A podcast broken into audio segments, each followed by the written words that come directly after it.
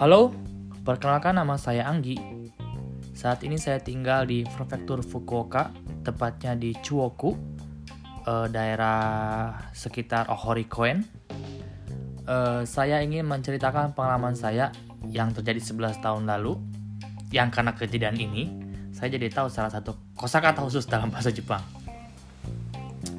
Jadi eh, saat itu saat saat pertama kali saya bekerja sebagai kensusei di kapal perikanan Jepang, yaitu di Katsuo Ipong Suri atau kapal yang menangkap ikan katsuo dengan pancingan. Kalau nggak salah, bukan nggak salah sih, itu memang tahun pertama saya. Nah, kapal saya ini berasal dari Omeizaki, prefektur Shizuoka. Namanya Daiju Ichichin Tokumaru. Dari Omeizaki hanya ada dua kapal saat itu. Salah satu salah satunya kapal saya dan kapal lainnya itu bernama Daiju Ichi Fukuemaru. Nah, dua kapal Omeizaki ini berbeda dengan kapal Katsuo dari daerah-daerah lainnya, seperti Kochi, Miyazaki, dan Mie. Kalau kapal daerah lain itu baru keluar pertama kali di bulan Februari atau bahkan Maret, nih dua kapal ini nih pertengahan Januari udah keluar tuh buat nyari ikan. Nah, biasanya kalau keluar di bulan-bulan segitu, daerah penangkapannya juga bukan di laut lepas, tapi di pinggir-pinggir pulau. Nah, pulau-pulau ini itu e, daerah yang menjadi teritori pemerintah Tokyo ya.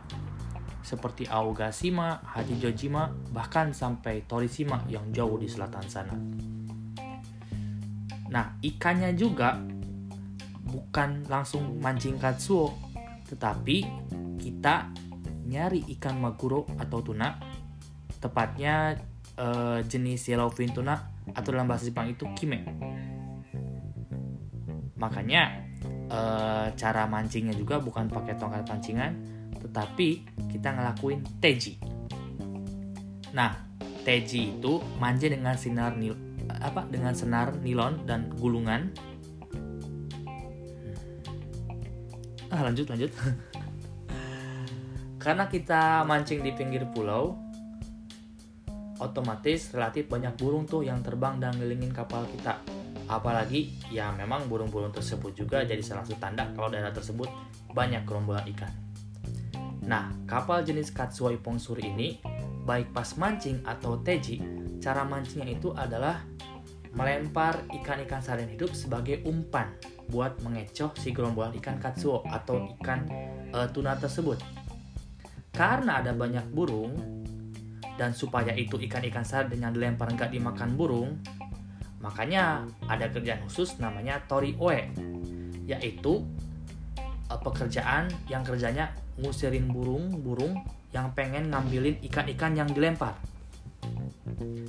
Nah, si Tori Oe ini kerjanya itu pegang tongkat panjang yang ujungnya tuh udah diikat rumbayan tali plastik tuh buat ngusir burung sambil teriak-teriak ini kerjaan ini nih udah jadi kewajiban tingkat satu tuh. Karena memang sampai tingkat dua dan tingkat tiganya itu pada mancing. Kadang bisa seharian tuh kita teriak-teriak nih ngelakuin tori oe doang. Kita teriak-teriak musil burung pakai tongkat ya. Walau ya walaupun kayaknya nggak terlalu efektif juga tapi si bos tuh si jempol si bos kekeh nyuruh. Pokoknya harus ada orang yang ngelakuin tori oe ini Nah, udah bukan rahasia umum ya, kalau kita kerja sama orang Jepang pasti ada friksi dan konfliknya. Apalagi nih kalau kerja di kapal ya, orang-orangnya ngehe. Makanya, pas saya ngelakuin Tori Oe ini nih, jadi kesempatan saya tuh buat ngeluapkan kekesalan, unek-unek, dan bahkan stres. Apalagi tuh ya, baru banget naik kapal, eh, uh, pusing dah. Hampir tiap hari dimalain, mulu nggak karuan. Lagi pula, teriak-teriak begitu tuh memang diajarin sama sampai juga sih Nah, singkat cerita, pas saya tori oe, uh, saya biasanya teriak apa aja tuh.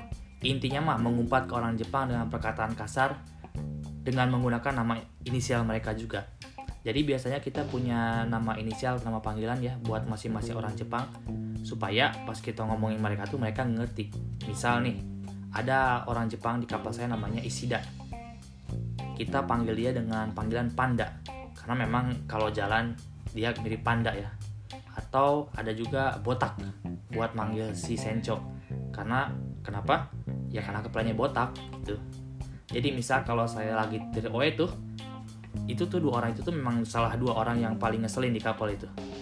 Misal gitu saya kalau teriak tuh kayak panda asu kirik ketek. Sambil apa gerak-gerakin tongkat dan teriak-teriak buat ngusir burung tuh maklum ya uh, apa umpatan-umpatan saya karena memang saya berasal dari daerah Cirebon gitu. Jadi pakai asu kirik dan ketek gitu. Yang lebih apa yang lebih akrab itu. Dan lebih puas juga ketika teriakinnya itu ya. Nah selain itu opsi lain yang biasanya dipakai buat teriak-teriak itu adalah ceng-cengan sama pacar bukan cuma pacar teman sendiri tapi pacar senpai juga. Misal ada teman saya sebut saja namanya Randi. Nah dia nggak punya pacar sih tapi dia punya gebetan. Namanya Lela. Makanya kalau ngecengin dia ya teriak tuh Randi Lela Randi Lela. Doi diteriakin gitu sih nggak marah malah senyum-senyum kebetulan orangnya pendiam. Terus nih saya juga nggak cuma ngecengin teman saya doang tapi pacar senpai saya juga. Salah satu pacar senpai saya itu namanya Eni gitu. Jadi kalau saya manggil apa uh, ngecengin dia tuh ya misalkan Eni Eni Eni gitu. Nah salah satu senpai saya yang lain punya pacar juga nih. Namanya Yesi. Saya juga teriakin tuh pakai nama panggilannya. Eci Eci Eci Eci Eci Eci. Tapi pas saya teriak gitu tiba-tiba orang Jepang semua mendelik tuh. Yang lagi khusyuk mancing. Bahkan mereka ngumbatin saya balik tuh. Misu-misu ngomong bakayaro aho toroy saya kan bingung ya lah emang salah apa gue? Nah saya langsung dihampirin sampai saya tuh yang nama pacarnya barusan saya teriakin tuh. Dia agak kesel sambil nanyain kok kamu teriak gitu sih saya kan nggak tahu apa-apa ya. Kirain dia marah karena nama pacar dicengin. Tapi bukan. Ternyata dia jelasin kalau edgy itu ya itu.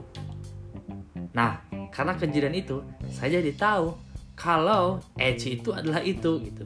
Gak kebayang ya pas saya teriak edgy edgy di telinga orang Jepang tuh kedengarannya kayak apa ya